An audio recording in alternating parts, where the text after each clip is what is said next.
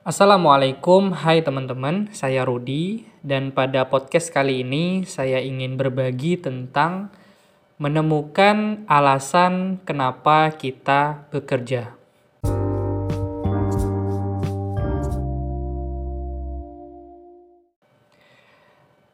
Jadi tema ini sebetulnya tidak hanya ditujukan kepada uh, yang sudah bekerja, tetapi teman-teman yang mungkin masih sekolah atau kuliah juga bisa dijadikan bahan refleksi.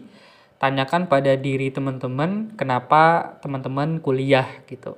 Kenapa teman-teman sekolah. Nah, jadi uh, menemukan alasan dalam melakukan sebuah aktivitas itu penting, teman-teman. Jadi penting karena apa? Karena sebagai menumbuhkan motivasi kita melakukan sesuatu. Kadang-kadang kalau kita lihat orang bersemangat dalam bekerja misalnya, itu hampir dipastikan dia punya alasan tertentu kenapa dia seperti itu. Dia punya why-nya, punya alasan yang kuat dia bekerja dengan semangat seperti itu. Pasti ada tujuannya. Nah, jadi kita perlu juga punya alasan-alasan kenapa kita melakukan sesuatu supaya kita e, bertumbuh semangat dalam diri kita. Nah, pada kesempatan ini kita membahas beberapa hal umum e, mengenai alasan-alasan kenapa e, kita bekerja. Alasan yang pertama biasanya karena alasan keuangan atau finansial. Jadi alasan gaji sebetulnya banyak yang uh, menjadikan alasan gaji ini sebagai faktor semangat dalam bekerja. Ya sederhana sih, karena uh, kalau nggak kerja terus dapat uang dari mana gitu ya. Belum lagi kalau kita punya cicilan, kita punya tagihan, uh, belum lagi juga kita punya hutang-hutang yang harus dilunasi. Sekaligus juga kita harus me mencukupi kebutuhan kita sehari-hari gitu ya. Dan kita punya anak istri, kita punya orang tua yang harus kita nafkahi. Jadi banyak banget lah keperluan ke sehari-hari kita. Oleh karena itu memang membutuhkan uang sangat penting dan salah satu yang didapat karena eh, salah satunya didapat dari sebuah pekerjaan. Jadi kalau ada orang bersemangat dalam bekerja karena faktor uang itu hal yang wajar gitu. Itu alasan yang pertama. Apakah Anda juga uh, apakah teman-teman juga uh, menjadikan ini sebagai faktor penyemangat? Nah, tidak ada salah tentu saja, tidak ada salahnya. Nah, alasan yang kedua adalah alasan keluarga. Jadi selain alasan uang, ternyata orang bisa bersemangat dalam bekerja itu karena faktor keluarga juga gitu. Jadi meskipun kita udah bekerja capek-capek, lelah, berat, kadang-kadang kalau kita mengingat keluarga kita di rumah, anak istri kita, orang tua kita, uh, seketika itu kita kembali bersemangat teman-teman dalam bekerja. Uh, oleh karena itu memang sebagian orang menjadikan alasan keluarga ini sebagai pelecut semangatnya. Apalagi yang punya keinginan-keinginan tertentu misalnya, yaitu ingin uh, misalnya menaikkan orang tuanya haji, punya target-target tertentu dalam keluarga. Nah, itu menjadi dorongan tersendiri dalam memberikan semangat untuk bekerja gitu. Sama seperti kalau teman-teman sedang kuliah atau sekolah. Boleh jadi memang faktor keluarga itu salah satu faktor yang memberi semangat gitu. Kan kita sekolah dan bekerja supaya membahagiakan kedua orang tua kita gitu. Menjadi orang yang pintar, yang punya akademik yang bagus dan sebagainya. Alasan yang kedua, alasan keluarga. Nah, kalau alasan yang ketiga adalah alasan karena passion. Jadi e, seseorang bisa bekerja itu kadang-kadang alasannya karena dia passion di bidang itu. Passion artinya adalah keinginan diri sendiri dalam melakukan sesuatu dan ia senang melakukannya.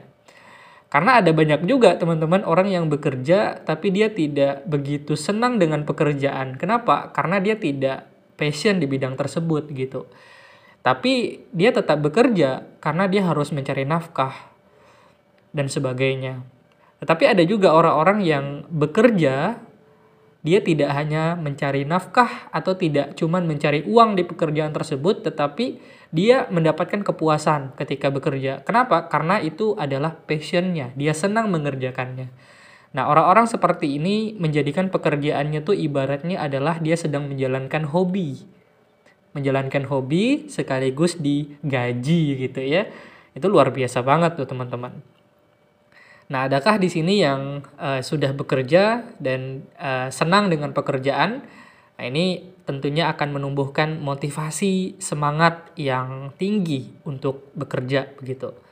Alasan yang ke yang keempat, yang berikutnya, yang keempat adalah uh, menganggap pekerjaan itu memberikan uh, nilai tambah, bernilai, punya value. Jadi bernilai yang dimaksud adalah kita bekerja karena kita tahu pekerjaan itu memiliki makna, punya manfaat untuk diri kita sendiri gitu. Jadi kita tidak mau kan bekerja hanya cuman dapat uangnya saja, tetapi kita pengen lebih jauh dari itu. Kita pengen bisa berkarya di pekerjaan itu, kita juga bisa uh, mendapatkan ilmu di uh, pekerjaan kita tersebut. Kita diberikan banyak manfaat gitu ya. Jadi itu akan jauh lebih membuat kita semangat dalam bekerja, menjadikan pekerjaan kita lebih bermakna uh, baik itu di dunia maupun di akhirat. Nah, alasan yang terakhir adalah alasan kenapa orang uh, semangat dalam bekerja karena menganggap bahwa pekerjaannya adalah bernilai ibadah. Jadi uh, keyakinan menganggap bahwa pekerjaan adalah ibadah ini penting banget teman-teman sehingga dalam proses pekerjaannya dia dia akan uh, mengamalkan nilai-nilai agama dalam pekerjaannya. Dia tidak bohong, dia akan jujur, dia akan ramah sama orang, dia tidak akan gosip-gosip yang gak jelas dan sebagainya. Kenapa? Karena dia tahu bahwa yang dia lakukan adalah ibadah kepada Allah Subhanahu wa taala. Nah, sehingga pekerjaannya itu yang didapat bukan cuma bayaran tetapi juga ganjaran. Bukan cuma rupiah tapi juga bernilai ibadah. Dengan keyakinan seperti ini, maka pekerjaan kita menjadi lebih nikmat dan penuh semangat. Nah, itu saja mungkin beberapa alasan umum yang biasa dijadikan orang lain untuk bekerja begitu. Nah, kalau kita menemukan alasan yang tepat, maka tumbuhlah motivasi yang kuat dalam diri kita. Tapi kalau kita tidak menemukan tidak menemukan alasan yang kuat, maka akhirnya pekerjaan kita menjadi uh, malas-malas tidak berkualitas, tidak penuh dengan semangat dalam bekerja. Nah, ada lagi uh, mungkin uh, alasan-alasan lain yang mungkin teman-teman bisa tambahkan. Silahkan DM saja di Instagram saya di @rudi underscore mjwj. Insya Allah, mudah-mudahan kita bisa saling uh, berbagi manfaat.